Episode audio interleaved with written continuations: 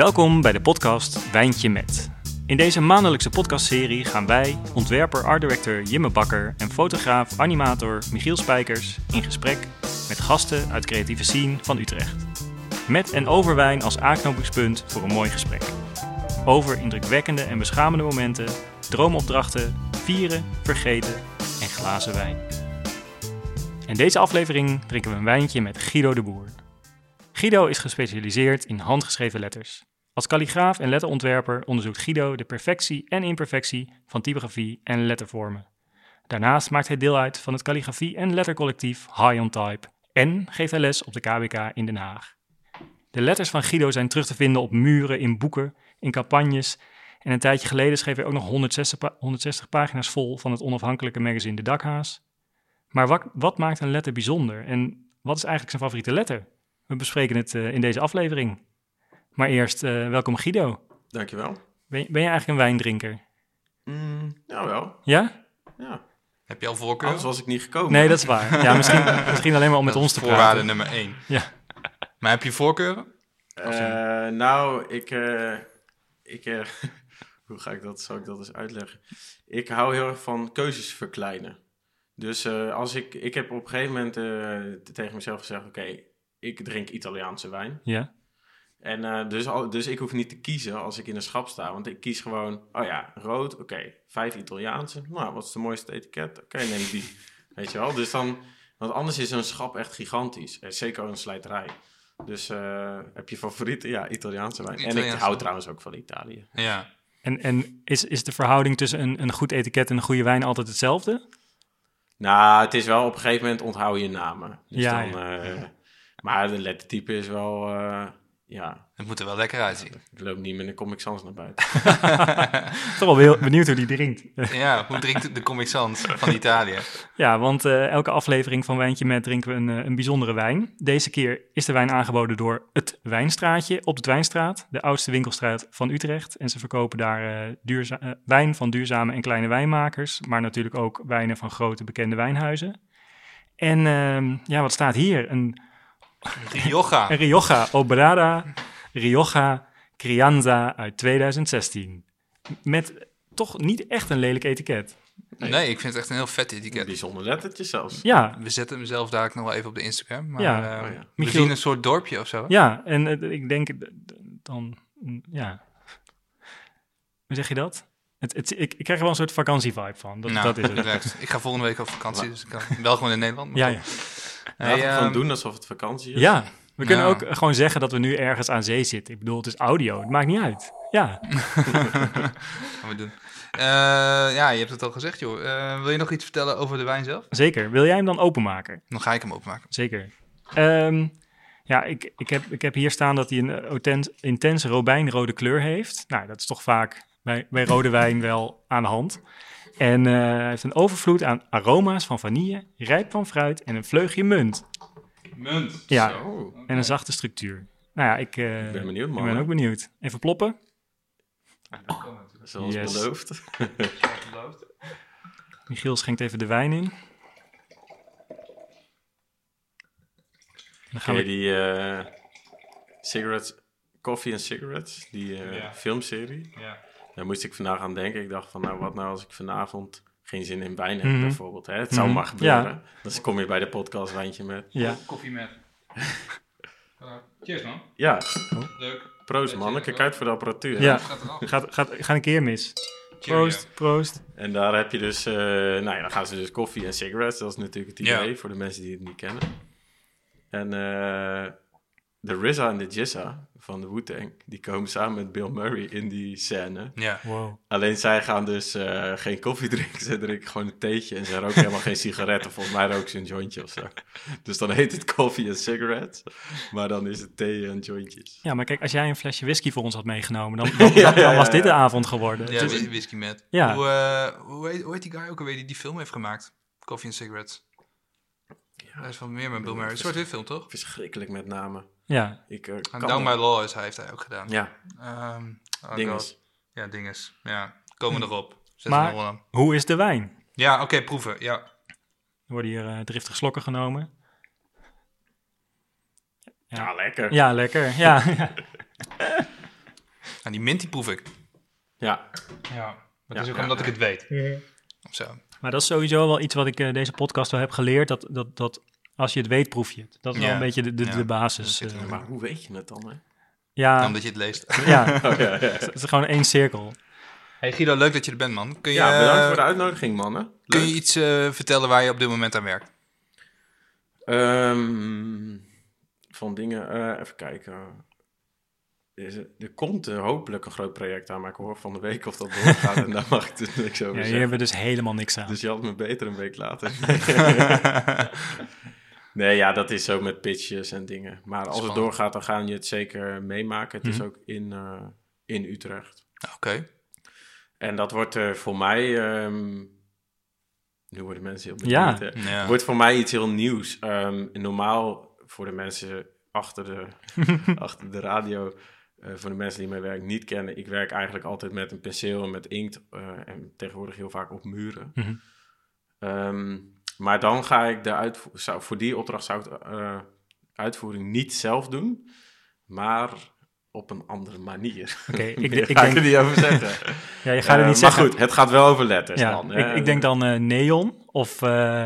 Oh, daar heb ik ook wel eens wat mee. Mm. ah. Maar ja, als je nu gaat raden, ik ga gewoon bij alles ga ik jou strak aankijken. ja, Ik ja, ga oké, dit, eh, dit heeft geen zin. Maar nee, goed, wat is, nee. eh, wat is je... Wat, wat, wat- waar werkt je hiervoor aan? En eh, ik heb onlangs iets gemaakt voor het Stratenmuseum. Mhm. Dat is een eh, museum over graffiti en street art in Amsterdam. Wat eh, onlangs, dus echt deze maand, of ja, dus in oktober, ehm, is geopend. Heel gaaf, want het is in de, eh, de NDSM-werf. Eh, wel, al- wel bekend bij de meesten, neem ik aan. Eh, naast de eihallen heb je, nou ja, daar za- zat dus nog zo'n gigantische hal. Waar ze, ja, oude scheepswerf. Is dat die hal waar die Anne Frank Ja, mural... Exact, Ja. dat Ja. is ook de ingang. Oh, oké. Ja. dus eh, en ik, ik meen zelfs eh, dat die Anne Frank ook specifiek eh, in opdracht voor het museum is gedaan. Oh, nou, daar eh, kom je dus binnen. En ik kwam daar dus voor een eerste meeting. Van, eh, ja, zou je iets voor ons willen maken? Dus ik kom binnen, ik zo, wow, het is zo groot. Hier Mm. moet ik iets doen. En zo hoog. En ja, eh, ja gewoon geweldig, geweldig vette plek. ja. En ehm, daar heb ik een eh, nou, best wel groot werk voor gemaakt. Mhm. Wat is groot? Eh, vijf hoog, Zo. vier breed, Zo. Wauw. om en nabij. Want ik, ik heb het toevallig gezien. Bijna iedereen die daar aan meedoet, krijgt zo'n paneel toegewezen, toch? Ja, het, het, zijn, eh, het zijn soort opgespannen doeken. Ehm, en eh, er was nog één maatje groter, maar die waren al bezet. Ja. Ik, Ah. ik, eh, ik hou van groot, dus ik vroeg al gelijk van, eh, nou, hoe, eh, Ja, ja. hoe groot mag ik? maar eh, nee, volgens mij zijn er zelfs eh, doeken van echt 12 meter breed Ja. of zo. Die Wayne Horse eh, Ja? eh, kunstenaar die ook wel eh, hier in omstreken van Utrecht eh, dingen heeft gedaan, die ehm, eh, had daar echt heeft een gigantisch doek gemaakt in 2017 al. En dat is zo prachtig. Dat is een soort eh, ja, balzaal aan chique mensen. Heeft hij met inkt heel grof. Ja, dat is echt een prachtig Dat werk. hangt ook daar. Ja, dat hangt Ja. daar. Eh, zij zijn iets van vier jaar bezig geweest met het eh, opzetten van dat museum. En dat plan werd maar groter en groter en groter. En in die vier jaar hebben superveel mensen van over de hele wereld daar iets gemaakt. Vet. En nou, dat is dus nu open. En ik was echt twee weken voor de opening was ik nog aan het schilderen daar zo. Wow. En, en wat doet het met je om, eh, om je werk zo groot te zien?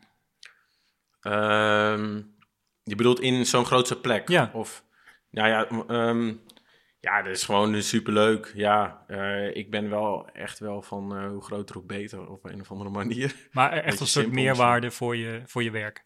Nou, in die zin wel. Eh, kijk, ehm, ik werk natuurlijk allemaal met tekst. En tekst is iets eh, nou, wat we allemaal in ons broekzak hebben Hmm. of in de krant lezen. En dan zijn het best wel kleine vormpjes. Ehm, en ik hou wel heel erg van opschalen, omdat het dan tekst ook iets nieuws kan worden. Ja. En dan hebben wij in het Nederlands natuurlijk dat mooie woord eh, levensgroot. Mhm. Ik denk dat als iets als een letter levensgroot wordt, dan ga je hem niet alleen maar lezen, maar dan ga je hem ook beleven. Eh, en dat, ja, dat, zit, dat is al toch e- echt wel een onderdeel van mijn werk geworden. Ja. Dus dat het groot is. En, en wat heb je gemaakt? Ehm, het is een soort eh labyrint waarmee ik speel met de leesrichting. Dus normaal heb je één leesrichting van links naar rechts. En eh, in dit werk heb je eh, vier leesrichtingen. Eh, even denken. Counterclockwise, Mhm. dus tegen de klok in, draaiend naar binnen. En meer ga ik niet over verklappen, want ik, het heeft, er staat een tekst. Ehm, maar ik heb expres, normaal doe ik dat niet, maar ik heb expres het werk Untitled genoemd, omdat het is een beetje een onderdeel ervan dat, mocht je het uiteindelijk kunnen lezen, Mhm. Dan, eh, dan, ja, dan is er een verrassing voor je. Taart. Of Ja, limonade. ja, wel, Nou ja, de meeste mensen moeten dan eventjes glimlachen. Cool. Dus, eh, ja. wel Hoe ontwerp jij zoiets dan? Is dat iets wat je dan on the spot doet? Of is dat een schets die je van Mm. tevoren maakt? Oeh, was het maar zo. Nee, ik, ik, ik, schrijf- ik bedenk wel echt iets van tevoren, ja. Ja. Ja, Is dat de manier om, om het werk te maken wat je, wat je maakt? Want Nou, vertel eens nee. iets over je werkproces. Nou, weet je, ik, ik kan wel... eh, kijk, mij, ik, ik hou heel erg van een spontane handeling. Wat ik doe is handschrift uiteindelijk. Soms wel heel netjes, maar het is toch ja, expressief als, als in een spontane handeling. Dus ik kan dat op dat moment. Ehm, maar toch wel van tevoren heel erg gepland. Dus ik maak wel echt een tekening en die is vaak op de centimeter of soms zelfs op de millimeter nauwkeurig. Ehm, ja, en dan eh, hoe dat dan dus het voorbereidingsproces, dat duurt dan, nou ja, nagelang ik er zin in heb. Hmm. Of eh, totdat ik een goed idee heb. Eh, maar het maken van dat werk ging echt super snel. Dus waar bijvoorbeeld meer, een andere van diezelfde, of ja, in hetzelfde museum, eh, kunstenaars werkten voor misschien wel twee weken aan een ding. Ik was in, ik begon om elf en ik was om vier uur klaar of zo. Oh, wow. En zit er dan geen verschil tussen de schets en wat uiteindelijk op doek staat?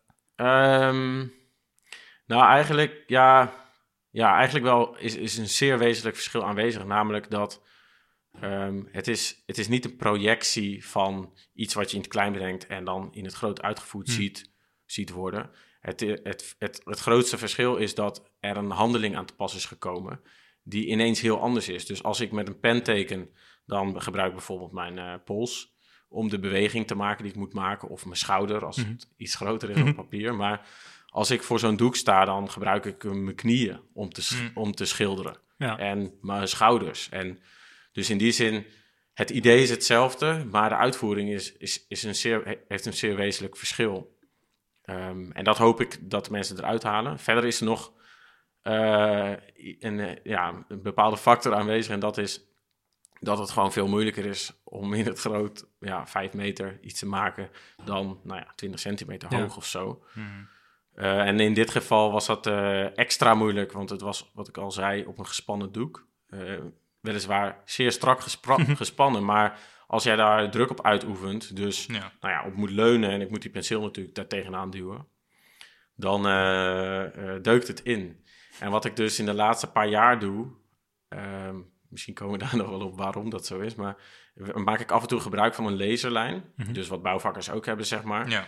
En die projecteert dan wat recht is. Dus een verticale en een horizontale lijn, dat noem je een kruislaser.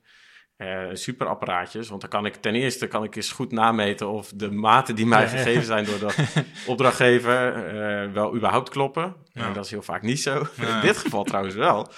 Maar ehm, als je die laser dus op een doek zet en je duwt erop, dan is het geen rechte lijn meer, maar een holle Ja. of ja, hoe je het ziet, hol of bolle lijn.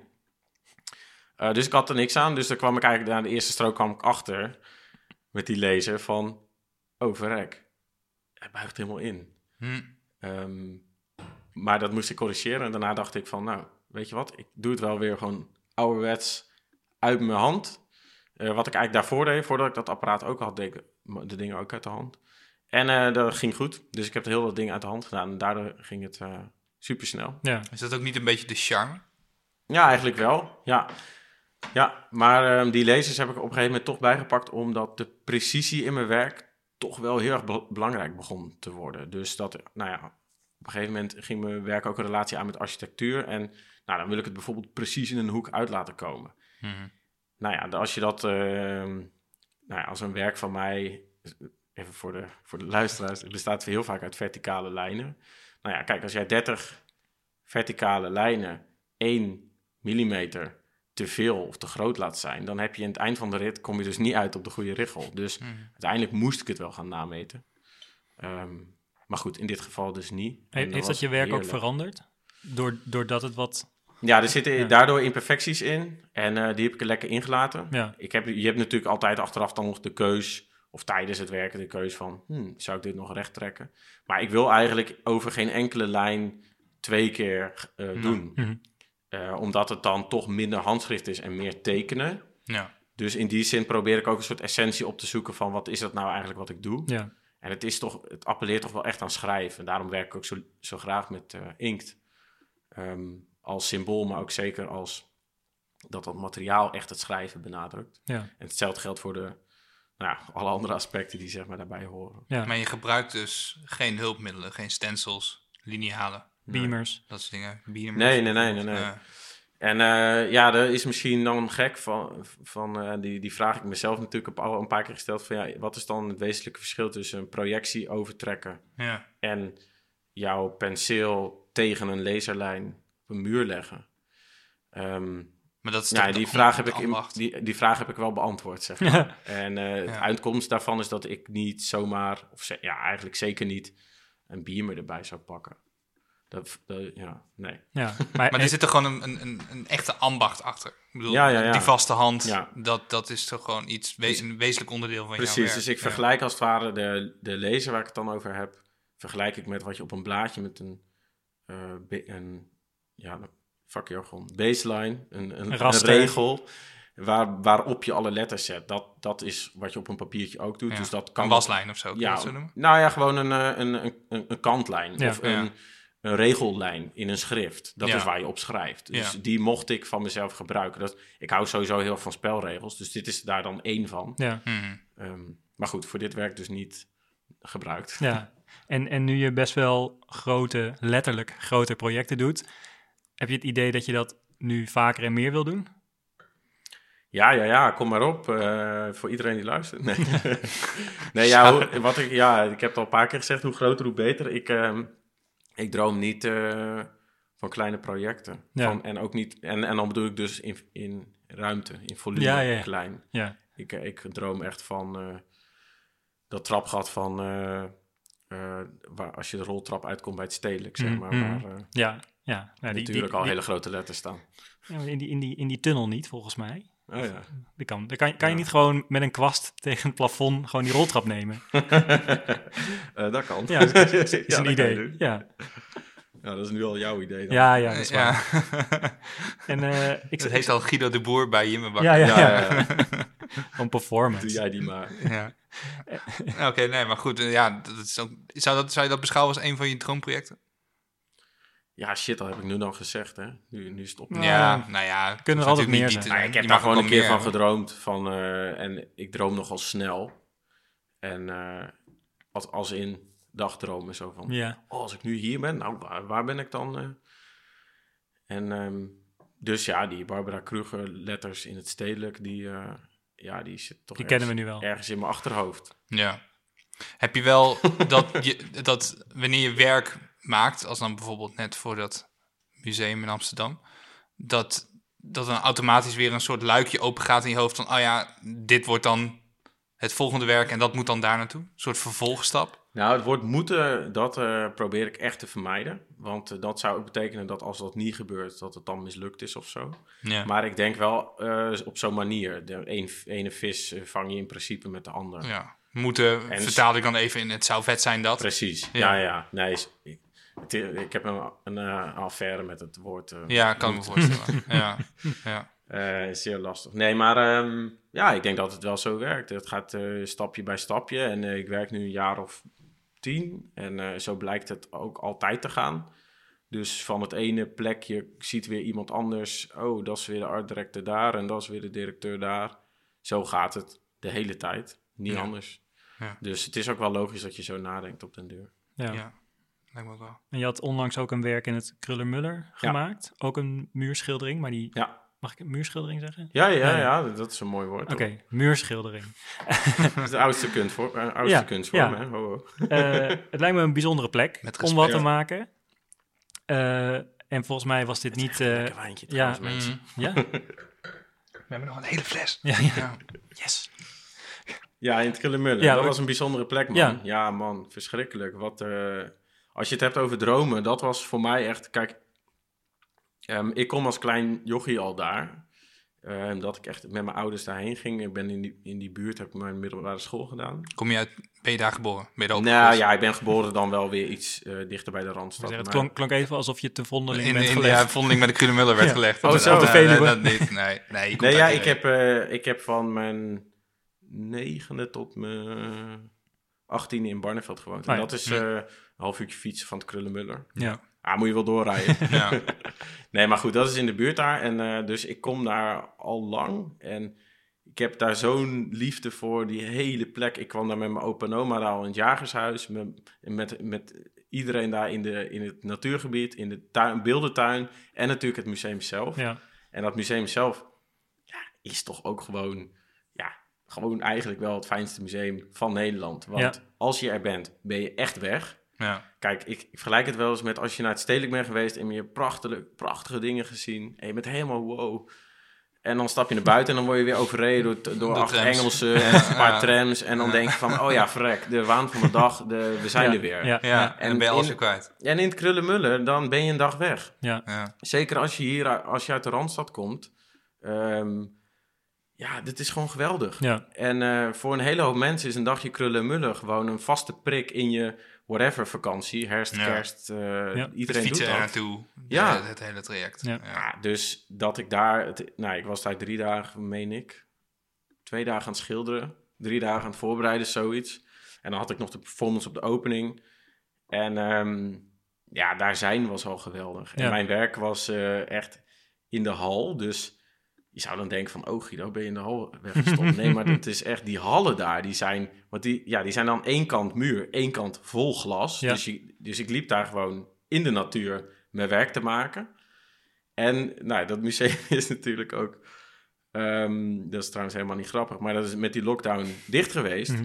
Maar je kon dus mijn werk vanaf buiten Ah. zien. Dus ik kreeg op een gegeven moment nog van die Instagram-story berichtjes van dat mensen dat hadden gezien. Eh, Van Harald Dunning, eh, die stuurde Ja. zo, "Tuuk, hey, ik zie je werk. Want die waren gewoon lekker aan het wandelen, weet je wel. Ja. Oh, wat goed. Dus eh, mijn werk was eh, ook dur- during lockdown Ja. te Het is- zien. Het is gewoon gratis. Ja, gewoon helemaal gratis. Ja. Hoe komt zo'n hoe komt zo'n museum bij jou Mm. terecht? Ehm, ja, via via. En eh, dus dat is het eerste gedeelte. Het tweede Ja. gedeelte was dat de curatie echt ehm, als doelstelling had. eh, de curatoren hadden als eh, of ja, samenstellers, hoe je het wilt noemen, hadden als doelstelling dat ze werken uit hun eigen prachtige, gigantische, mooie collectie eh, kiezen, eh, kozen over eh, letters Mhm. en tekst als het ware.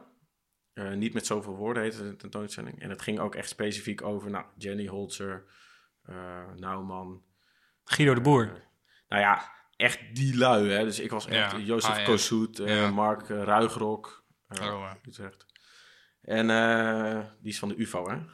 Oh. Ja, die had eh, die, het beeld voor op, de, voor op het affiche. Die maakt ook heel vaak kunst, kunstwerk met letters. Nou ja, anyway, eh, kunstwerken met, met, waarin letters in ieder geval belangrijk zijn. Ook zelfs werken zonder tekst, maar dat het toch heel, als het ware, heel typografisch werkte, als het Mhm. ware. Dus dat je een beeld echt leest, in plaats van alleen maar kijkt. Ja. En ehm, het idee voor de, voor de tentoonstelling was dat daar dan drie werken aan, aan, eh, toegevoegd gingen worden. Van mensen die, nou ja, eh, jong, nieuw, relatief, eh, Hmm. in ieder geval, eh, op, op dat, zich op dat gebied begeven. En dat hadden ze dus verdeeld over, nou, eh, mijn werk is eh, handschriftelijk en nou, visueel best wel aanwezig, als het ware.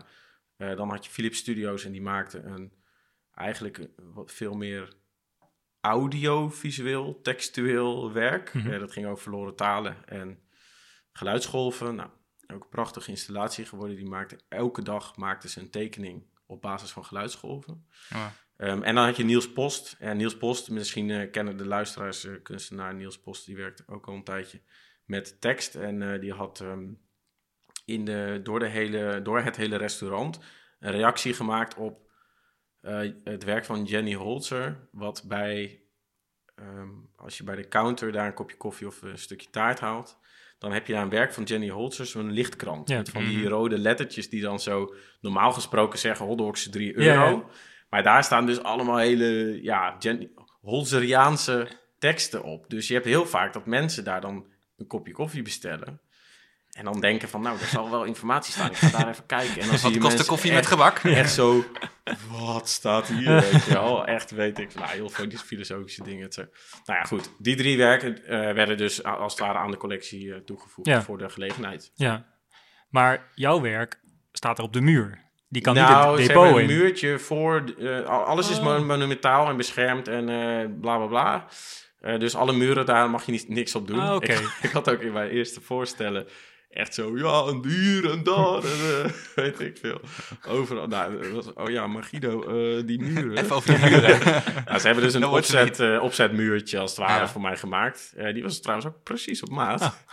Ehm, en die hebben ze ook weer eraf gehaald. Ja. Dus het is, ook, er is, het is er niet meer. Het is weg. Het is klaar. Het- Maar het staat niet in het depot. Ja. Nee, het is gewoon klaar. Oh. Ik heb dat werk speciaal voor dit tentoonstelling Ja. gemaakt. Ja. En eh, ja, de- Is Ja. dat, is dat, hoort dat erbij?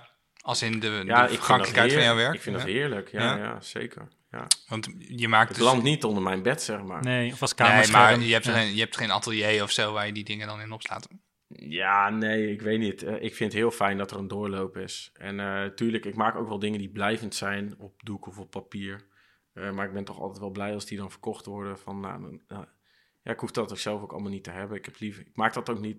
Ja, ik maak het in eerste instantie natuurlijk ook wel voor mezelf. Maar ik vind het wel heel prettig als iets ook weer ja, verder gaat. Ja. Ehm, en als een muurschildering betekent dat die weer wit is, ja prima. Dat betekent ook dat er weer iets nieuws kan komen. En eh, door mij of iemand anders of whatever. Nee, Ja. Ik vind dat eigenlijk een heel lekkere gedachte. ja. Die vergankelijkheid is gewoon onder, een wezenlijk onderdeel van, jou, eh, van je werk. En, en Ja. wa- waar is die ja, obsessie, durf ik het niet te noemen, maar ik ga het toch doen. De obsessie met letters vandaan gekomen. Mm, ja, die vraag die krijg je natuurlijk vaker, Ja. omdat het zo'n obvious ding is. Oké, sorry. Ja. Goed. Eh, nee, maar ik, en ik wou dus daaraan toevoegen van, ik heb daar nog steeds niet echt een soort van het perfecte antwoord Ja, op. Daarom is- vroeg ik het. Ja, ja, ja. Nee, je moet het zo zien. ehm, Ik heb al je eh, interviews gelezen en ja. we waren er gewoon over uit. Hij weet het gewoon Hij nog weet steeds het helemaal Hij niet. weet het helemaal niet. Hij weet het niet. Nee. Nee, kijk, eh, eh, sommige mensen die, eh, of ja, kinderen moet ik dan zeggen, die ontwikkelen tijdens hun, weet ik veel, wat was het bij mij, tiende le- levensjaar of zo, gewoon een passie of een, eh, in ieder geval een interesse of fascinatie voor iets. En ja, bij de ene is dat paardrijden en bij mij was dat letters. Mhm. Ja, zo, oké. En dat was ook niet zo dat vanaf dat moment mijn hele leven één grote letter was. Maar het, ja, ik ging dat gewoon natekenen en ik merkte ook, ja, ik kon ook best wel tekenen. Ehm, Is dat iets wat uit huis werd gevoed? Zijn je ouders Ja. creatief? ja, ja, niet per se in beroep. Ja, trouwens, mijn moeder is wel kleuterjuf, dus in die Ja. zin zeker wel met die processen bezig. Hoor. En, maar, en met letters. en ook met Ja, Het ABC. En eh, nee, maar de creativiteit werd zeker wel de hele tijd ge- gestimuleerd. Maar je Ja. moet het zo zien, kijk, eh, als jij een kind stimuleert om te tekenen, ja, dan gaat hij eh, gewoon fantasie en ding. Maar wij gingen gewoon al best wel, en wij, ik zeg wij, omdat het was wel vaak ik en mijn broer Vincent Ja. broer. Ehm, eh, ja, een beetje woordbeelden, letters. Ja, zulke soort dingen ging je dan tekenen. Ja, we konden ook eh, auto's gaan tekenen. Dat heb ik trouwens ook gedaan, maar... Ehm, en dan op een gegeven moment... ja, zie je, ontdek je dat, buiten, dat, dat het ook buiten vol staat met letters. Dus dan ben je zo een beetje de qua jonge leeftijd. En dan zie je graffiti en dan denk je, ah, mooi. we kunnen even lekker ergens tegenaan trappen of rebelleren. Nou, dus dan doe je dat. En dan... eh, En wa- was je toen ook bezig met, zelfs, zelfs toen je dat deed, met de esthetiek van letters? Of ging je gewoon eh pik lul op een muur schrijven? Nee, nee, nee. Dat was serieus, serieuze graffiti werd Ja. er bedreven. Ja, ja. Ja. ja, ja. Dat was Geen half werk. Nee, nee, nee. Geen pik, geen lul. Nee, nee, nee. Kijk, eh, dan ben je, vanaf dat moment heb je gewoon een missie. Ja, Eh, en dat is prachtig, want dat is gewoon zo'n levensfase. Althans, voor mij was het met name toen heel erg. eh, ja, dat heeft mooie dingen opgeleverd. En ook, eh, ja, kutverhalen, weet ik veel. Maar eh, ja, dat, je moet je puberteit ergens mee vullen. Mm. En dat, wa- dat is ook nog wel daarna, het is niet alleen puberteit hoor, het is ook nog wel daarna vast, eh, vaste prik gebleven van de bezigheden. Alleen toen ik de academie ging doen, toen kwam ik er wel achter van, oh ja, ah, dit is, eh, dit is gewoon iets. Je kunt dit gewoon gaan doen. Grafisch ontwerp. En, het is, en iedereen vindt het hier helemaal oké als ik hier eh, ook letters gaat tekenen. Nou, daar kwam ik dan in het tweede jaar achter. Of ja, in het eerste ook al wel. Ja, ik was wel ook toen altijd al veel met letters bezig. Dus ik denk dat al die elementen, om even terug te komen op de vraag, al die elementen zorgen er toch voor dat je ja, toch een flinke bagage hebt op dat gebied. Mhm. En op een gegeven moment laat je dat gewoon niet meer los. Want dan kun je nog dieper. En nu kan ik nog, als ik wil, elke week een, le- een lezing luisteren of een boek lezen wat ik nog niet ken over dit thema wat ik zo leuk vind. Dus ja. ja. En, en ook een soort van altijd om je heen kijken naar letters die je ziet in kranten, op muren ja, of, of wijnetiketten. wijnetiketten, zeker. Wil je daar nog wat over kwijt trouwens? Wat vind je van dit Ja, wijn? hoe, hoe zou je het omschrijven? Ja, eh, wel ook klassiek hè. Ja, al- eigenlijk een beetje een allegaartje, alles door elkaar. Is dat positief? Eh, mm, het is niet mijn smaak. Zou, zou je, Het is wel zwart-wit. Ja, dus ja, ja. wat dat betreft is het- Nee, maar weet je, vijf. eh, om, wat jij zegt is eh, het bruggetje naar om je heen kijken en kritisch zijn op je omgeving, maar dus ook op de letters die je ziet. Dat is natuurlijk, dat zat er al in. Het, zeker het om je heen kijken als je graffiti jongen bent. Dan kijk je van, oh, die heeft daar wat. Oh, eh, daar wil ik ook. Dus dan ben je sowieso de hele tijd bezig. Ehm, op de academie leer je dat, dat dat ook echt een vak kan zijn. Dus dan ga je er nog een soort semiotische laag aan toevoegen, weet ik veel. En vanaf dat moment kijk je alleen maar, ja, dat hebben jullie natuurlijk ook, zie, alles wat je ziet op straat. En ik denk Ja. dat het, nou ja, vanaf eh, pak een beetje zo'n vijf jaar geleden, dat ik eigenlijk steeds probeer om mezelf daarin tegen te houden. Dat ik denk van, nou, nou is het wel weer even genoeg met kritisch op mijn dingen, want ja, je kan ook verschrikkelijk moe van jezelf worden. Ja. Het houdt natuurlijk niet op. En er zijn alleen maar, of ja, oké, er zijn louter eh, slechte voorbeelden zomaar op straat. Dan, eh, al, al moet ik zeggen dat wat jij laatst in de podcast zei, die eh, vloerbedekking ding, die vind ik wel trouwens heel goed. Die zag Mhm. ik laatst ook een busje van rijden.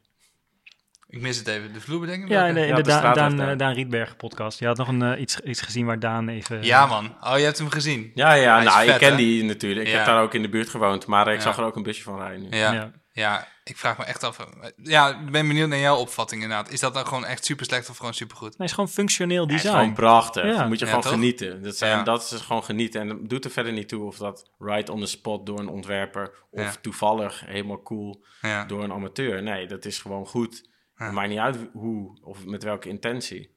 ja. Tenminste, zo geniet Het ik is gewoon ervan. helemaal raak, toch? Ja, en dan dat, kan je heb, dat- dat heb ik dus ook. Het is, en, en dat is misschien wat ik daaraan kan toevoegen. Van ja, om je heen kijken, kritisch, bla bla, letters op straat. En je ziet natuurlijk veel misgaan. Ehm, maar je kan ook soms zo prachtig verwonderd raken door ja, gewoon iets moois. Ja. En Mm. dat is wel, als je natuurlijk gewoon je oog traint, ja, dan is er ook meer te zien.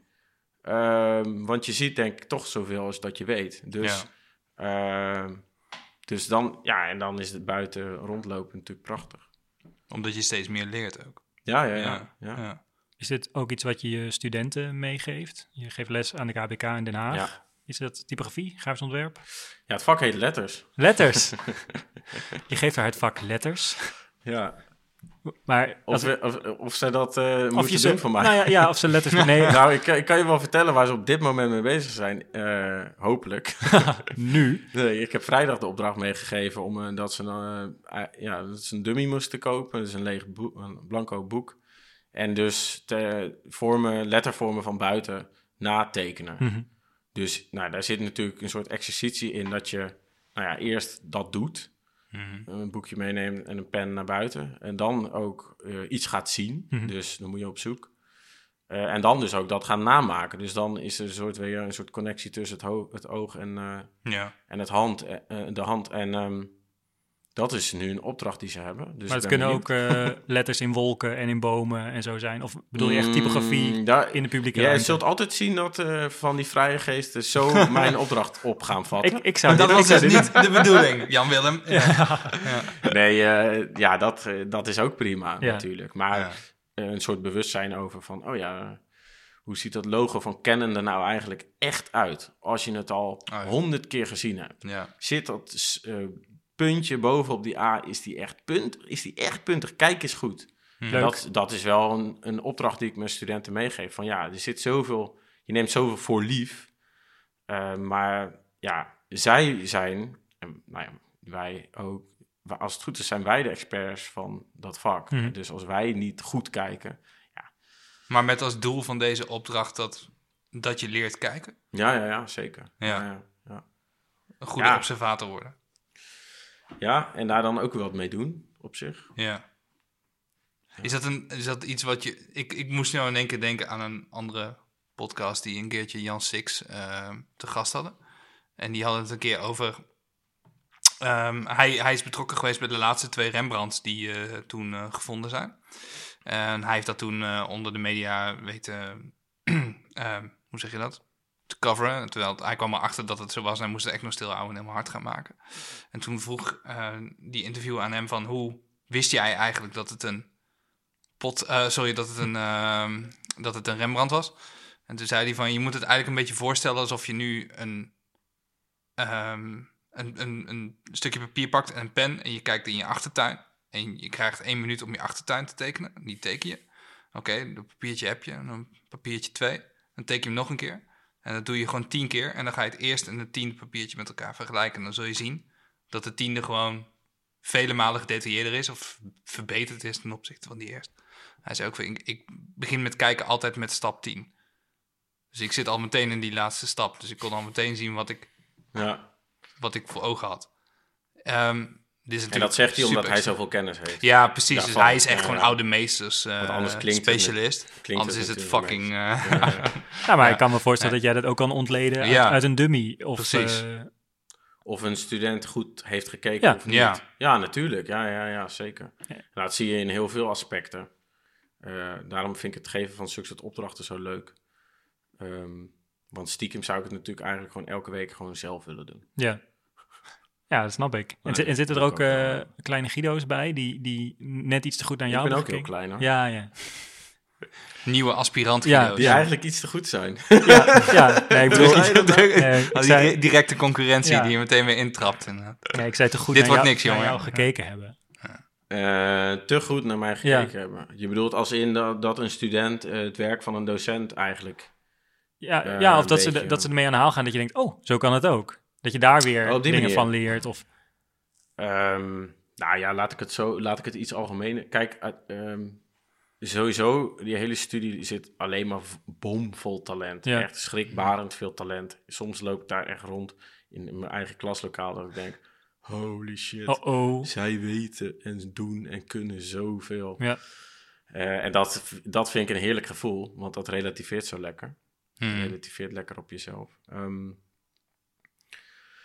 eh, wat was de vraag? Nee. Of, Eh, wat ik wel eens op jouw Instagram zie langskomen, is dat jij met je studenten ook naar het strand gaat. ja, ja, ja. En dan letters gaat eh, ja? tekenen in het zand. ja. Is, dit een, is dit een standaard Guido-les?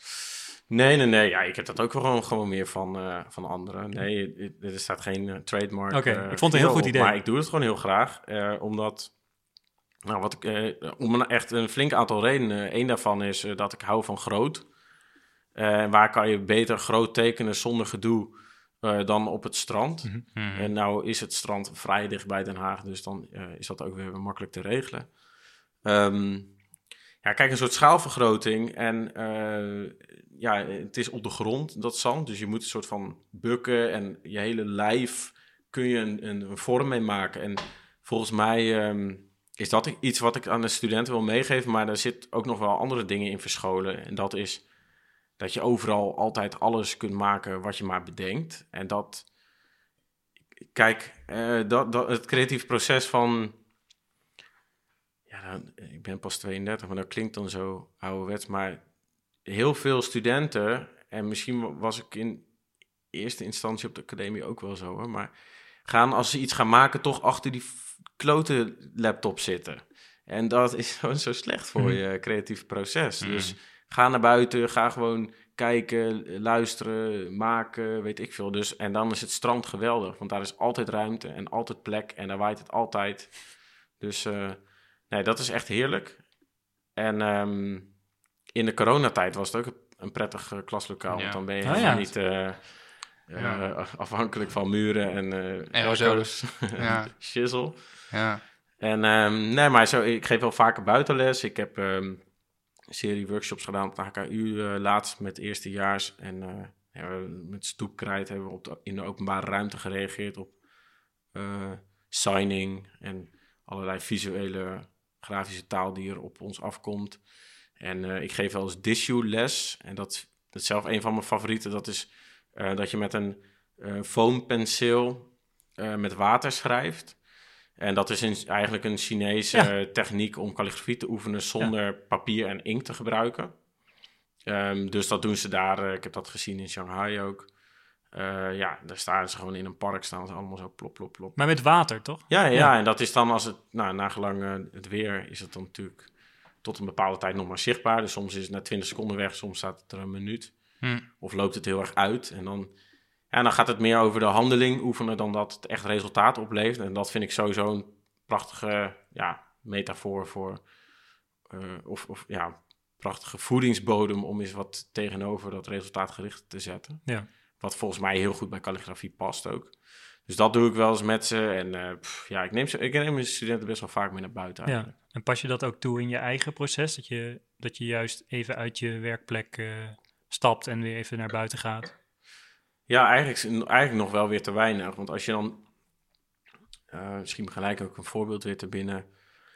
Als je zo terugkijkt soms op eh idee-ontwikkelingsfases... dan... En eh, k- kijk ik jullie allebei even aan. De, als je even een rondje loopt buiten... heb je toch altijd een beter idee... dan als je achter je computer blijft zitten, toch? Altijd. Ja. Iedereen weet dat. Ja. Maar iedereen doet het ook te weinig. Ja. Mm. Dus ja, wat kan ik daarover zeggen? Ja. Volgens Ja. mij is dat een soort wetmatigheid die we Ja. echt vergeten. Ja. Werkgevers moeten daar gewoon wat meer op hameren, denk ik. Ga een rondje lopen. niet- Ja. ja, Ja. dat je echt even een half uur of een uur Ja. gaat lopen. Ja, ik word er wel eens op aangesproken door collega's en dan, dan lukt het me nog steeds niet. Het is Oh ja. toch... Ja. maar je hoeft ook niks te doen. Je hoeft Nee. niet na te denken van ik moet nu al terugkomen met Nee, een en je idee. moet ook niks, gewoon- want als jij ja. buiten gaat lopen, zo van nu moet ik Ja, een idee ja. krijgen, ja, Dan krijg je dus dat idee niet. Nee. dus Ja. het is, Ja. nou, net als mediteren, als je het af eh, voor, uh, uit probeert te persen, dan uit Dan wordt het ook niks. forceren, dan Ja. lukt dat niet. Nee.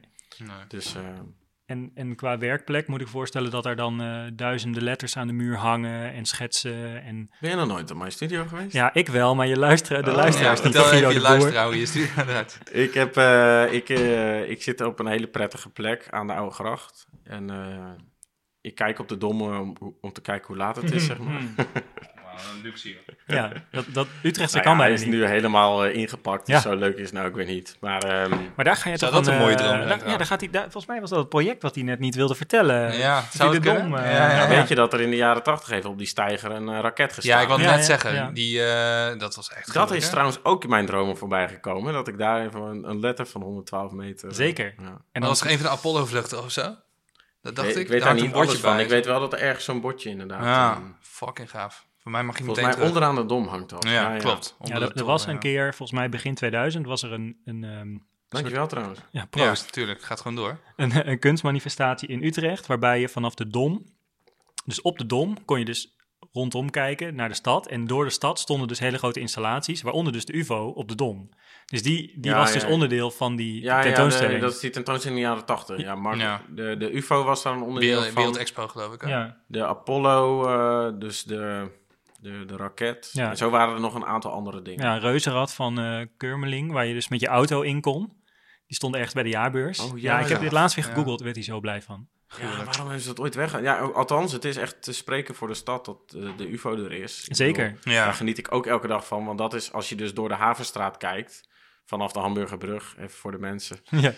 Eh, dan zie je de UFO. En dat is bij Ja. mijn studio. ja, we gaan nog werken aan de Guido de Boer audiotour. door, door nou, Utrecht. ik zal je Ze zeggen, bij de heb inkpot. over lesgeven buiten. Ik heb laatst een eh, type walk gedaan met mijn studenten. Dus hebben we gewoon echt, eh, nou, had ik allemaal dingen voorbereid. Ehm, ja, bijzondere plekken waar je bijzondere letters ziet door de stad heen. Hebben we zo'n hele wandeling gedaan. Eh, echt alleen in het centrum. Ja, Ja. Utrecht. Loop, loopafstand, ja, ja. En eh, Aan wat voor Ja. eh, plekken moet ik denken? Waar ben je toen geweest? nou, je hebt op het Oud Kerkhof hebben, heb je prachtige letters van eh, Rietveld. Oh. Mhm. Eh, Maar dit zijn van die dingen waar, waar iedereen dus duizend keer langs loopt. En Maar niemand weet. Geen idee. nou, ik weet niet of jij duizend keer over de Oud Kerkhof bent, oh, het Oud Kerkhof bent gelopen. Op zoek naar letters. Op, op zoek naar een nieuw pak of Ja. een horloge. Nee, ehm, ja, daar heb je een prachtige gevel. eh, eh, ontworpen door Rietveld. Eigenlijk in het jaar het jaar dat hij zich bij de stijl aansloot. Mm. Maar dat hij nog eigenlijk helemaal nog niet zo werkte. Dus dat was echt, zeg maar, Amsterdamse schoolachtig. Heel decoratief. En daar zitten dus letters van een... eh, nou, de naam weet ik even niet, maar van een juwelierszaak was dat toen. Dat was zijn Mm. opdrachtgever. Heeft Mm. hij die, eh, en die, die zitten in de gevel gegoten, want het was beton. En dat was voor die tijd zeer eh, vooruitstrevend Ja. materiaal om mee te werken. Hmm. Vet. Ehm, nou ja, heel verhaal erbij. Ja. Eh, moet je maar eens kijken. Ja, klinkt goed. En ehm, Noem nog eens ik een heb dat dan weer, die, die details van ehm, een artikel op de Duik. Waar ze af en toe eens wat eh, kunst uit de stad onder de loep nemen. Dat deden ze volgens mij in 2017 of zo. Mhm. Eh, dat is best een leuke serie. Kun, Ja. je, kun je nog steeds allemaal vinden. Goeie. Ik verbaas me nog steeds wel eens over. Volgens mij is dat Hamburgerstraat. Waar die eh, woningen allemaal zo'n beetje zo'n eh, zo'n bordje buiten aan de woningen hebben bevestigd. Het lijkt een beetje inderdaad op zo'n zo'n light Ja, ja. eh, bord van, van, een, van bijvoorbeeld een bierreclame. Van een kroeg. Oh ja, ja dat is het verlengde van de Lange Smeetstraat. Ja. Dus Ja. als je de Smeebrug pakt, Ja. als je dan doorgaat, dan heb dat is hetzelfde, hetzelfde kunstwerkserie van eh, de UFO. En, eh, klopt, ja. Die zat er onder Ja. Kan je daar iets over vertellen? Wat het, wat Eh, was? Nee, ja. Maar die, heb je er, niet- die had je er niet bij. Nee, die zat maar- ook niet in mijn eh, walk. Die zat niet Walk. in je Walkie-talkie. Ja. Hey, eh, we gooien het even over een ander boek. Genoeg over jouw werk. Waar, eh, Ja. waar, waar geef jij je geld aan uit, eh, Guido? Ja, fietsen Ja? en eh, reisjes om te fietsen. Dus dat, dat klinkt als geld en vrije tijd. Ja. Niet dat, eh, waar geef ik mijn geld aan? Het klinkt alsof ik heel veel geld heb. Nee, maar het geld wat je ik hebt... heb wel onlangs nog een, die fiets die ik net omhoog til, dat is een nieuwe fiets. En eh, ja, ik, eh, ik fiets super graag. Mhm. Ehm, dus eh, ja, dan moet je eens af en toe, ko- koop je een nieuwe. Is, is dit dan wel iets wat er wel voor kan zorgen dat je je hoofd leeg maakt? Ja, ja, ja, ja. Het is echt zelden, het gebeurt eigenlijk zelden dat ik tijdens het fietsen nadenk over werk. Ehm, mo- mocht ik nog überhaupt nog ergens over nadenken dan anders dan genieten en om me heen kijken of afzien van het sporten, Ja. eh, wat ik ook heel prettig vind, eh, dan is het in ieder geval geen werk, maar dan zou het bijvoorbeeld iets emotioneels of iets, weet ik veel, Ja. pro- andere problemen Ja. of zo. Maar werk blijft bij mij nooit zo hangen. Ik heb er echt ja, heel hard geoefend om eh, werk te kunnen loslaten. Mhm. Mhm. Ja. ja. Begon dat ehm, zich te veel te verwikkelen in je persoonlijk leven? Nee hoor, nee. Het is... ehm, je moet het eerder zo zien van... ehm, het is heel leuk en fijn dat je heel gepassioneerd bent. Alleen eh, eh, leuk en zo. dat Lug. woord Ja. leuk, ik spreek het ook expres een beetje zo uit. Is ook zo... Ja, Plat. ja eh, van leuk kon je ook moe worden. Hm. Mhm. En eh, ik deed, ja, dan, op een gegeven moment maak je jezelf ook heel veel dingen wijs van, ja, maar dit is toch leuk wat je doet? En dit is toch ook leuk? En op een gegeven moment heb je 200 leuke dingen. Die allemaal en dan, zijn. eh, ja, en dan moet je gewoon eh, eens even wat anders doen. Dus dan is dat eh 9 tot 5, maandag tot en met vrijdag en verder niet. Nou, ik zal het je, ja, ik was al bang dat dit zou komen. Ik zal het je, eh, ik zal het je sterker vertellen, jullie. Je hoeft niet bang te zijn, Guido. Nee, eh, ik werk veel minder dan dat, joh. Ja. Ik, eh, ik ben echt, eh, in een jaar tijd ben ik echt een, eh, een ander werkmens geworden.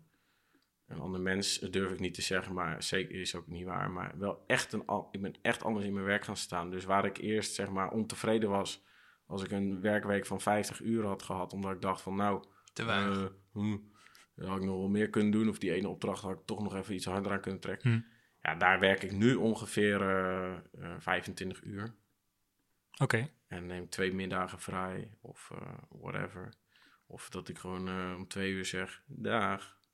Liep je tegen een kookpunt aan dat je dit besluit hebt, man? Ja, ja, Ja. ja, dat komt wel ergens vandaan, ja. Ja. Zeker. Ja. Ja. Dan heb je het idee dat je werk er ook beter door is geworden? Ja. Ja, ja, ja, het antwoord daarop is vol- zoals je hoort. Volmondig, ja. Volmondig, ja. Ja, ja, ja. Ik ben eigenlijk, eh, en dat klinkt heel cru, eh, maar dat zie, ik zie dat ook heel erg als een luxe, maar ook zeker als een verdienste van ja, mezelf flexibel opstellen ten opzichte van mijn eigen gewoontes en gedrag. Ehm, ik ben, denk de helft gaan werken voor het dubbel aantal eh, wat het dan oplevert. Werken Ja. van je verzet. Ja. Ja. Ja, dus ook Ja, veel eh, efficiënter qua dus. hoe ik, wat ik wil dat het oplevert op artistiek gebied. Of wat ik wil dat Mm. het oplevert op, ambitie, op, om- een gebied van ambitie. Mhm. Ehm, nou, op, op die manier, zeg maar. Dus, Ja. Maar dan is het ook eh, vaker nee zeggen. Ja, ja, veel vaker. Nee zeggen, dat is, eh, is echt... ja, dat, eh, dat, dat, dat is wat je moet leren. Ja. Nou, ik, ik denk dat dit best wel... Nu je dit zo zegt, denk ik... Oh ja, dit, volgens mij kan het heel inspirerend zijn. Omdat we toch Ja. allemaal, vooral nu we ook heel veel thuiswerken... eerder meer werken dan minder. We hebben het net nog over hoe moeilijk het is al om, om, om een half uurtje de deur uit te gaan. Ja. Ja, maar dat, ja, dat is, dat, ik weet niet of dat half uurtje echt te maken heeft met een bepaald, bepaalde hoeveelheid werk. Dat is meer gewoon iets wat je op een gegeven moment moet begrijpen. Ja. En eh, dan, als je het begrijpt, moet je het ook gewoon gaan doen. Ja. Want die tijd is er, hè. Ook als jij Mhm. heel erg druk bent, dan is die tijd er gewoon. Die tijd, die maak je gewoon, toch? Ja, ja, ja. En ehm, ja, voor de rest, zeg maar, qua hoe ik mijn eigen praktijk heb veranderd, ja. Als ik om twee uur naar huis wil, ja, dan doe ik dat. Ja. is heel belangrijk. En, en eerst moest ik van mezelf blijven. Ja. En eh, dat klinkt heel raar, maar ja, zo gaat het toch echt. Ja. Dan moet ik nog al die mails doen. En nu te- denk ik tegenwoordig van, nou, ik heb toch eh, go- iets goeds gedaan. Eh, bijvoorbeeld als ik, eh, op, als ik morgen bijvoorbeeld, dat is ook overigens zo, een idee moet bedenken. En ik had het idee om 11 uur. Dan, Ja, dan heb je het om ja, 11 Zou ik normaal gesproken van 11 tot 6 mezelf pijnigen met allemaal vervelende rotklusjes die ik nog moest doen. En nou ja, als ik morgen om 11 uur dat idee heb, Ja, dan ga ik om 5 over 11 eh racefietsen. ja. Dat is wel heerlijk. Nou ja, dat is gewoon, dat is, eh, eh, die mailtjes die komen toch wel. Weet je, dat is ook een beetje iets wat je moet leren begrijpen. Of wat ik moest leren begrijpen. Van ja, het is gewoon emmertjes water naar de zee dragen. En dat bedoel ik niet Mhm. pessimistisch. Mhm. Maar je weet gewoon dat als je dan die hele woensdag jezelf nog gaat pijnigen. Van, oh, ik moet het allemaal doen en die nog bellen. En de- ja, dan, wat is dan de verdienste dat het mij zo is overkomen dat ik die skill heb ontwikkeld dat ik om 11 uur al een idee kan hebben. Ja. Ja. Kijk, stel ik had dat idee om 6 uur gehad, dan was ik helemaal moe en dood op naar huis Mm. gegaan en dan had ik hetzelfde gehad. Maar in dit geval heb ik wel een hele middag lekker. Nog kunnen fietsen. Dus ja. dat is een beetje hoe ik het nu zie. Ja. Misschien is dat over een paar jaar weer anders, maar ik probeer nu wel echt op te treden om, om dit in ieder geval zo te houden. Het is ook wel vaak zo dat wanneer iemand mailt, dat er ook geen bloed, bloedspoed achter zit of zo, hè? Nee, anders mailen ze niet, toch? Nee, precies. Dus Nee. dan gaan mensen ook wel denken van, nou, laat hem er rustig een dagje over denken. Dan komt hij dan weer terug. Ja, en volgens mij heeft dat altijd te maken met verwachtingen. Kijk, als jij zo'n persoon bent, als ik bijvoorbeeld met Jimme eh, eh, werk heb en Jimme reageert binnen twee minuten op al mijn appjes, dan is de, vi- de, de twaalfde keer dat hij dat niet doet, ga ik mezelf irriteren eraan. Dus dat is aan, aan Jimme om die eh, verwachtingen. Ja, Ik vind, het zo, ik vind het zo leuk dat ik in dit voorbeeld genoemd word. nee, maar zo werkt ja, ja, we hebben een keer Ja. samen gewerkt. En, en, en soms is dit ook echt nodig. Ik Ja. bedoel, als je, soms moet je echt een kort lijntje hebben, snel schakelen en dan is het gewoon een deadline, is een deadline. Ja. Maar dat is gewoon niet altijd zo. En volgens mij moet je gewoon op een gegeven moment begrijpen, om een metafoor te maken, ehm, als, soms moet je even sprinten om de finish te halen. En soms is het gewoon een duurwedstrijd. Hmm. Ja. En je kan niet een marathon sprinten, want dan is het geen sprint. Dus dat moet je dan ook niet van jezelf of van anderen verwachten. En als we dat allemaal een beetje toepassen, dan is het allemaal zo erg nog niet. Wil je op de hoogte blijven van deze podcast? Volg ons dan op Instagram, @wijntjemet. Of heb je vragen of suggesties? Stuur ons dan een DM. En luister vooral naar onze vorige afleveringen. Guido, ehm, we hebben het echt over van alles gehad, maar nog niet echt over inspiratie. Ehm, kan je daar wat over vertellen? Over wat, eh, wat de dingen zijn die jou inspireren, maar ook misschien die je juist ontspannen?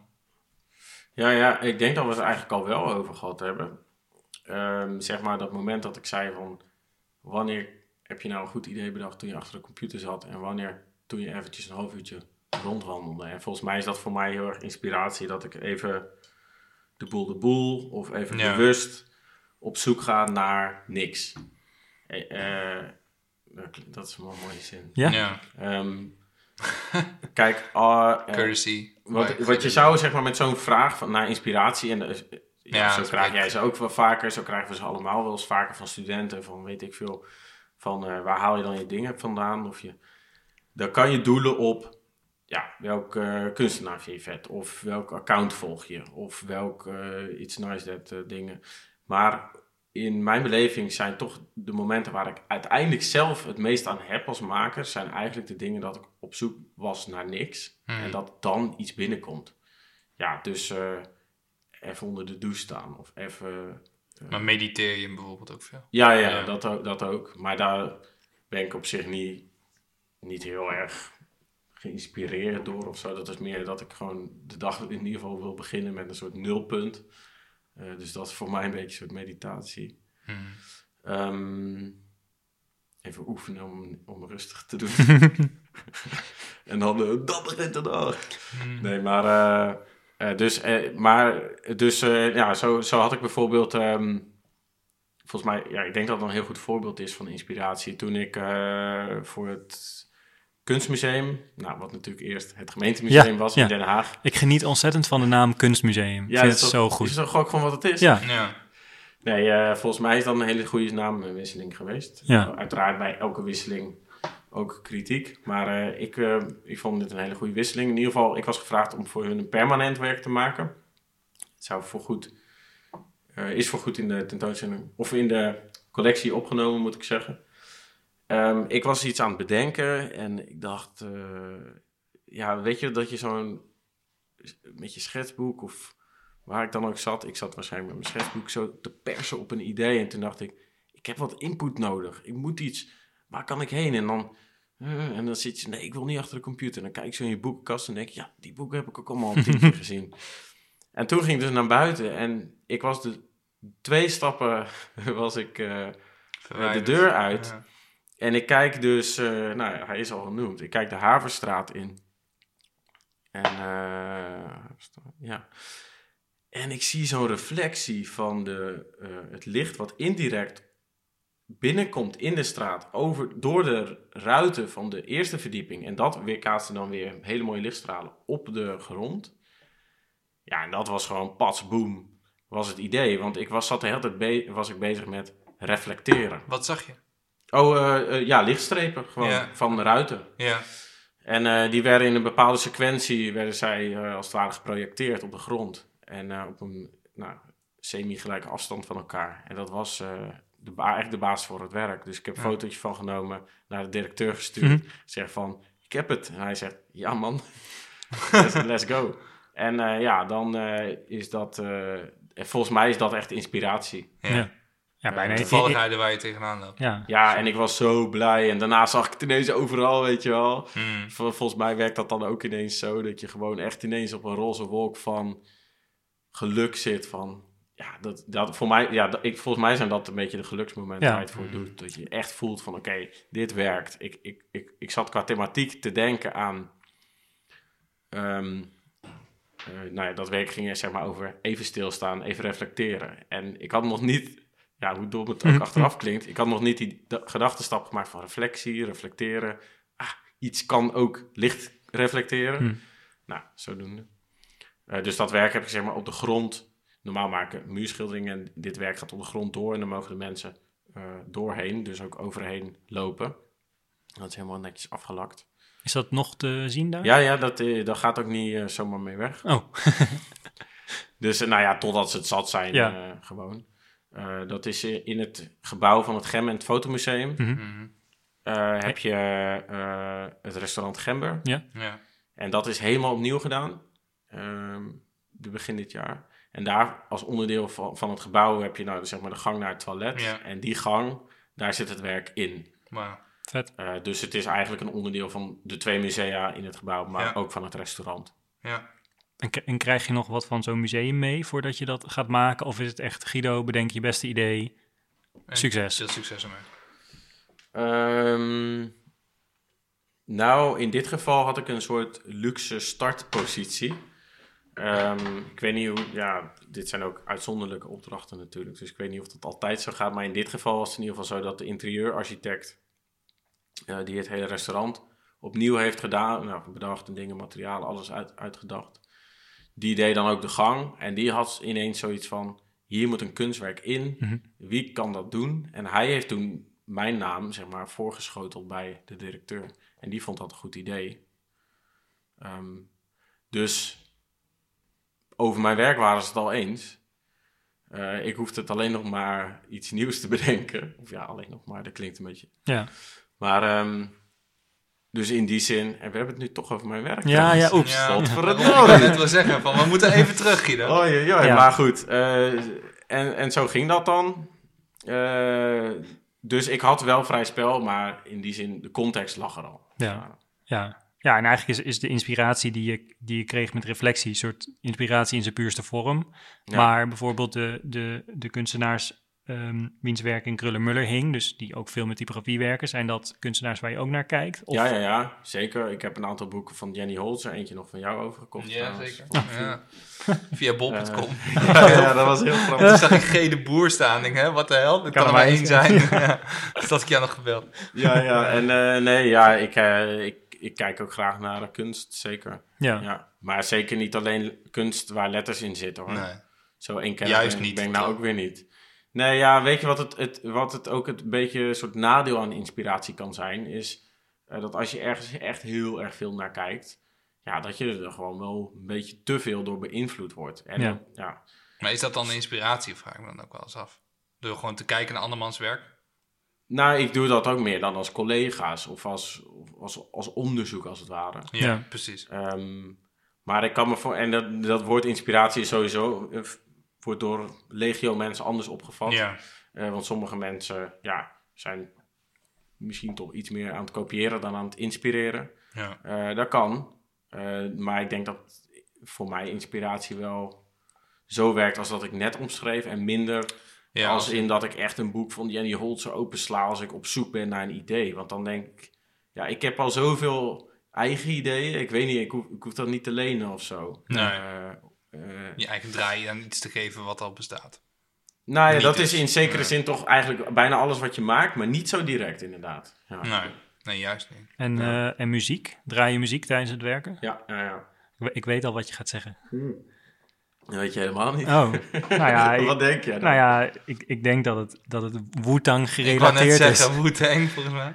Nou ja, ik hou heel erg van Wu-Tang, maar daar is, zeg maar, wat ik, dat hele verhaal helemaal aan het begin van de avond, eh, wat ik vertel Ja. over hoe dan die liefde voor letters is begonnen, zo is mijn liefde voor muziek ook begonnen met hip-hop. Ja, Ja, en vanaf hip-hop ga je weer, zeg maar, terug de wereld in. Dus Ja. via nou, al die jazz, funk, soul samples, eh, blues, weet ik veel. En nu zit ik echt in, af en toe zit ik daar mijlenver vandaan. Hm. Hm. Ehm, dus als ik even moet rachen, dan staat er inderdaad wel eens gewoon lekkere 90s hip-hop Ja. te, te blaren. maar je, je koppelt het wel aan elkaar. Dus een bepaalde energie die jij Hoort bij zoekt in bepaalde je... muziek. ja, ja, ja, maar toch, ik ben toch tegenwoordig steeds vaker op zoek naar een, eh, een wat langer gestrekte concentratie Mhm. dan een harde beuk eh, eh, Ja. in mijn oren. en, en, en, houtzaag met blanke Ja. muziek. Ja, en, en ik bedoel, dat kan soms heel lekker zijn. En dat hoor je, zul je af en toe ook zeker aan mijn studio horen als je voor, als je, als je voor de deur staat. Maar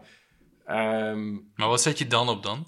nou ja, echt een beetje space muziek, man. Zonder tekst, lange tonen. Ja. Eh, Ambient. eh, ja, Piet Namlook Van, of van zo, die, van die mensen die in slaap zijn gevallen op een keyboard. Zoiets, Ja. ja. Of wat oneerbiedig weer. Nou ja, medi- meditatieve muziek uit eh. Afrika. Ja. Of eh, pff, ken, ik kan echt van alles wezen. Ja, Eh, elektronisch eh, werkt ook vaak goed om echt een soort, in een soort concentratie vast te houden. ja. Ben je anders gaan luisteren door... eh, nou, dat is een beetje een retorische vraag. Maar door Spotify? Nou, ik ben, eh, dat is denk ik een goede vraag. Want ik ben dus echt pas een maand Spotify gebruiker. Oké, de laatste ter je wereld. Jij kocht nog cd's. Nee, ja, ik... eh, ik eh, Download cd's. nee, weet je wat het is? Eh, ik heb een gigantische collectie, ook digitaal. Ehm, dus nou ja, als je het bijvoorbeeld hebt over Wu-Tang, dan, heb ik echt alles wat, wat je kan bedenken of wat enigszins gerelateerd is, dat heb ik gewoon op een harde schijf staan. Ja, dat kun je luisteren en Hmm. dat kun je opzetten. En Spotify heeft nog niet eens 10% daarvan, zeg Ja. maar. Nee, klopt. Dus in, in- met die overweging heb ik altijd zo tegen Spotify gekeken van... nou, hè, dan zoek ik een artiest eh, op, dan tik ik dat Heb in. ik maar en de dan helft. hebben ze drie albums. Ja, ja. Oeh, Ja. dat is drie uur. Eh, ja, daar heb ik dus niks aan. Eh, maar, eh, en, en nu heb ik er dus wel voor gekozen omdat, om, om zo'n account of zo'n abonnement te nemen... omdat eh, voor de diepte werkt het niet... Maar voor de breedte wel. Mhm. Ja, Dus om echt dingen te ontdekken. En die Discover Weekly, eh, Zeker. precies. die ja. is gewoon echt goed. Als je- Nou, wat je zegt bijvoorbeeld gewoon Ameri eh, wat, wat zei je? Afrikaanse meditatiemuziek of zo. Ja, dan, Ja. en dat dat, is gewoon een ze, playlist, klik. nou, dat Ja. hebben ze dan Ja, wel. ja. Maar dan eh, niet alle nummers. Dus dan ga ik zo, toch soms verder op YouTube, zeg maar. Ja. Of op Soundcloud. Of Ja, weet oké. ik veel, zulke soort diensten. Mixcloud. Maar dan ga, je, dan ga je echt gericht zoeken. Maar Ja, wat ik, wat ik nu merk is dat ik muziek echt opzet als afleiding. ja. En niet meer... Kijk, toen ik, toen ik cd's kocht, toen, toen dan ga je de boekjes lezen en dan ga je de songteksten... Maar missen jullie dit niet ontzettend? Ja, jawel, Ja, maar daarom maar zeg ik ook... ook nog zo- platen. Dan Ja, is in ja, die ja, zin... ja. Precies, platen koop ik ook nog. Maar in die zin is, is het luisteren op een streamingdienst als Spotify... echt een hele andere manier van muziek ervaren. Nou ja, het maakt je ook lui. eh, Ja. Maar het doet je ook af en toe e- enorm verwonderen. Eh, Ja, want dus dat, in die zin, ik ben ook een, een blij Spotify-gebruiker. Ja, hoor. ja. Versta me niet verkeerd. en de laatste ter wereld, dus dat En is de ook la- leuk. Ja, ja. ik had Ik laatst kreeg een dat- melding, finally, Guido on board. Zo dat, dat ik tegen done mensen now. zei van... hey, de Spotify is best relaxed. hè? Dat mensen mij echt zo aankijken van... eh, Waar ben jij geweest? ja. Het voelt een beetje alsof, ja. alsof, alsof iemand nu heel trots zijn Flippo-boek eh, gaat laten zien. eh. ja, ja, ja. Kijk, ik heb ze allemaal niet. Eh, ja, joh. En, eh, en films, series. Ja, ik heb laatst eh, dat nieuwe ding gekeken, die Queen's Gambit. Oh ja? Ehm, en eh, ik, eh, daar, we hebben het misschien over mijn fietshobby, Ja, gehad, maar nog niet over mijn schaakhobby. Ik wou zeggen, Kasparov, eh, toch? Gaat dat over? Nee, eh, nou ja, het gaat over, het is een, een fictief verhaal. Oké. Alleen er zitten zeker verwijzingen in naar dingen uit die tijd. Ja. In ieder geval, ehm, hoe heet ze? Elizabeth Norman, geloof ik. Is de hoofdrolspeelster. Ik heb het nog niet gezien. En ehm, wat ik zo geweldig vind aan die serie is dat het is voor niet-schakers leuk om te zien. Dus er zit spanning in en sensatie en van alles aan leuk verhaal, maar ook verschrikkelijk goed acteerwerk. Zij doet dat ook echt heel goed, die hoofdrol. Mhm. Maar ze hebben dus ook samengewerkt met een zeer interessant team aan schaakgrootmeesters. Hm. Die, eh, die eh, wedstrijden hebben eh, bedacht. En eh, dus daar hebben ze dingen geleend uit de schaakhistorie, eh, allemaal schaaktheorie, et cetera, et cetera. Dus ze zijn nu alweer als vervolg op die serie. Het is een korte serie van zeven afleveringen die, die in mijn ogen dus wel echt heel vermakelijk en ook echt heel goed was. Maar er zijn dus nu op YouTube allemaal schaakanalisten gewoon helemaal... En ja, ik kijk die shit. Ik ben best wel nerdy. Met, ik, kijk, ik kan zo'n avond naar schaaklezingen kijken. zeg maar. Oké. En eh, dus nu gaan ze dus hebben over de wedstrijden die in die eh, serie gespeeld zijn. Dus ja, vond ik wel Ja, heel erg leuk. ja. En het gebeurt niet vaak dat schakers, grote eh, schakers, grootmeesters, dat die ehm, tevreden zijn over een film of Mhm. serie of boek. Wat, wat schaken gebruikt om nou ja, een soort intellectueel verhaal of cool, weet ik veel, te vertellen. Omdat het heel vaak alleen maar eh, het symbooltje is van, oh ja, schaken is zo eh, intellectueel. Ja. Maar in dit geval is het dus echt cool en diep. Ja, Dus, eh, maar dat is ook wat jou erin aanspreekt waarschijnlijk. nou ja, ik ken die. is- Ik, eh, ik, eh, ik ben echt niet per se een goede schaker. Ik vind het alleen gewoon zeer interessant en ik kan er echt eh, eh, helemaal in verliezen. Ja, Maar ik volg niet per se al die partijen. Dat is echt een grootmeester level. Hè? Dat is echt zeg maar. eh, Maar wat trekt, je, wat trekt je dan zo in schaken dan? Ja. ehm, nou, het is zwart-wit. ja, ja, ja. ja. Mooie, Nee. mooie ronde vorm. ja. Flauw. eh, Ja. nee, ehm, eh, ja, misschien is het wat ik er, wat ik er eh, zo interessant aan vind, is dat ik het. ehm, ja, dat, dat het gewoon typisch nou zoiets is waar je jezelf helemaal in kan verliezen. En dat eh, vind ik ook met calligrafie bijvoorbeeld. Daar kan je, ja, daar, daar kan je ook helemaal, zo, dan kun je zo vijf uur doen en dan denken van, oh ja, waar was ik ook Mhm. weer? Hm. En dat is bij schaken echt nog, misschien nog wel veel erger. Je gaat echt een soort vortex, wordt Ja, je ja, ja. gezogen. Ja, ga maar eens met een grootmeester praten. Ja? Ja. Nou, die, die komt volgende keer. Nee. Nee, maar ik bedoel, ik, ik, heb, eh, nou, ik heb dan ook schaakles en zo gehad. En dat is nou, niet van een grootmeester, maar wel van iemand die daar echt dagelijks al die literatuur en dingen de hele tijd met schaken bezig is. Ja, dat vind ik gewoon zo interessant. Dat, dat iemand. Maar dit, dit moet een bijzonder moment voor jou zijn geweest dat je de eerste keer met een grootmeester sprak. Nee, dat, dat mijn, mijn, maar dat was geen, niet een, eh, een groot... Mijn schaakdocent is niet een groot. Nee, dat begrijp ik. Maar je zegt net van ga maar eens met een grootmeester praten. Oh, ik zo. neem aan dat je wel eens met een grootmeester... nee, nee, nee, Niet, nee, niet. nee, nee, nee. Maar ik, ik kan me gewoon echt voorstellen dat, dat, dat, ja, dat het een beetje langs elkaar heen gaat. Nou ja, misschien een bepaalde drive of zo waar jij je in kan herkennen. Ja, ik vind dat gewoon eh beren interessant. En wat ik er ook interessant aan vind, is dat ik er niet goed genoeg in ben. Hm. Dus dan wil ik het pakken of zo. En dan, eh, volgens mij zit dat ook wel heel erg in me. En dat is ook des te meer frustrerend als ik dan weer een, po- een pot verlies, zeg maar. Maar het is toch het leukste juist. Want dat je er geen grip op krijgt, dan blijft het interessant, toch? Ja, misschien dat, nou weet ik niet. Misschien dat ik het op den duur wel echt aan de kant schuif. Zo van, oh, shit, ik ben toch echt niet goed genoeg. Is dit iets van de, al vanaf je puberteit of zo, wat al speelt? Of is dit Mm. al iets van de laatste jaren? Ja, ik denk dat ik dat altijd heel erg interessant heb gevonden. Ik heb ook echt geleerd als jochie. Alleen Ja. toen was het toch wel echt een beetje te nerdy of zo. Zeker zeg maar in de tijd dat ik meer zeg maar, op straat met graffiti en hip-hop en weet ik veel bezig Ja. was. Daar paste het niet echt in. Gelukkig Ja. had je het nog wel.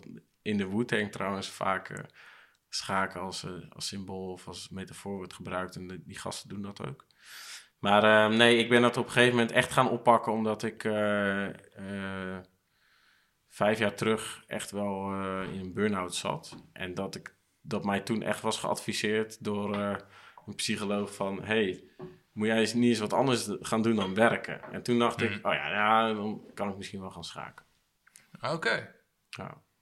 Of ja, dat weer oppakken. Ja, zeg ja. maar. precies. Dus dat ben ik toen gaan doen. En dat- sindsdien is het wel bij me gebleven, zeg maar. Heb je nou zo'n clubje vrienden waar je elke zondagmiddag mee gaat schaken? Nou, dat is ook wel een ding. Ik probeer dan ook weer niet een verplichting ervan te maken. Nee. Dus dan is het zeker niet elke zondag. Dan is het gewoon, hey, heeft iemand zin? Of, eh, oh, er is weer een les. Of, oh, we doen een toernooitje. Dus ik ga ook zeker niet op een club of dingen. Nee. Want dan wordt het weer een ding erbij. En dan, ja. Je weet hoe het gaat, Die heb ik al Ja. genoeg. Ja. Ja, die weken zitten ook weer zo vol. En Ja. dan, eh, ja, mijn werk is ook al best wel demanding. Dus, eh, Ja, we hebben eigenlijk altijd nog een, eh, een, iets wat we onze, al onze gasten vragen. Een, soort, een beetje de afsluitende vraag van... eh, Oh, zijn we, zijn we er al? nou ja, Hmm. de, we willen altijd nog wel weten van... Nou wie, wie zou jij als volgende gast willen zien in, eh, of willen horen in, eh, in een aflevering van Wijntje Met? Ja. En dan hebben we het over Utrechtse creatieven. Ja, eh, eh, eh, eh. Ik eh, heb daarover nagedacht. Kijk. Ik zou willen horen Maurits Wouters van Studio Airport. mhm. Mijn beste vriend. Maar, Bijzaak. hè? Oh, Nee, eh, omdat ik het gewoon... zij, werk, zij werken nu voor Emergence Magazine. Mhm. En dat is een magazine wat zeker ook wel in Nederland verkocht wordt. Maar dat, nou, die, die lui zitten in San Francisco. En ehm, daar is dat nog groter dan zeg maar hier. En ik, daardoor denk ik dat toch ook wel een hele hoop mensen misschien ehm, dat werk daarvoor nog niet kennen. Dus Mhm. het lijkt me eigenlijk best wel leuk om te horen hoe Maurits daarover spreekt bij jullie aan tafel. Leuk. Ehm nou, dat is toch een Utrechtse maker die eh goede bij dingen maakt. Zeker. Ja, Ja, Zeker. zeker. en eh, nee, het is niet zo dat zij alleen maar dingen overseas eh doen. Want zij hebben onlangs nog de campagne voor Utrecht, Utrecht Down Under gedaan. Heel, eh mag- of ja, hoe zeg je dat? Catala cata- catalogus. Catalogus. Catalogus. eh, erbij en et cetera. Dus eh, zij zijn ook zeker zichtbaar in Utrecht. Want ze doen ook de campagne voor de Overdag HKU. Oh, Dus ehm, nee, zij zijn wel zichtbaar. Maar eh, dat is, eh, ja, Studio Airport. Airport, Maurits gaat op de lijst. Ja, Ja. staat genoteerd. Nou ja, ik... En heb eh, je mijn broer al? Nee. ja, vertel eens, vertel eens wat. Wauw. Doet, doet hij ook volgende wat? keer, Guido. Ja. Ja, Vincent de Boer. Ehm, ja, ik, ik, denk, eh, ik denk dat we er wel zijn. ja, man. Eh, Heb je de ja, tijd alweer volgeluld? ja, zeker. De Ja. wijn is nog niet eens op. De wijn is... Nou, oké, we schenken nog even een Doe we glas... gewoon we- eh, lekker even off Ja. the record. we- Off the record. Ja, off the record. We schenken nog even een glas voor Guido in. Eh, bedankt voor het luisteren. Eh, tot de volgende. En eh, volgens mij kunnen we weer proosten op een, op een mooi gesprek. Ja, man. Ja. Tot, tot de volgende. Tot de volgende. Spreek elkaar. Doei. Bedankt. Doei.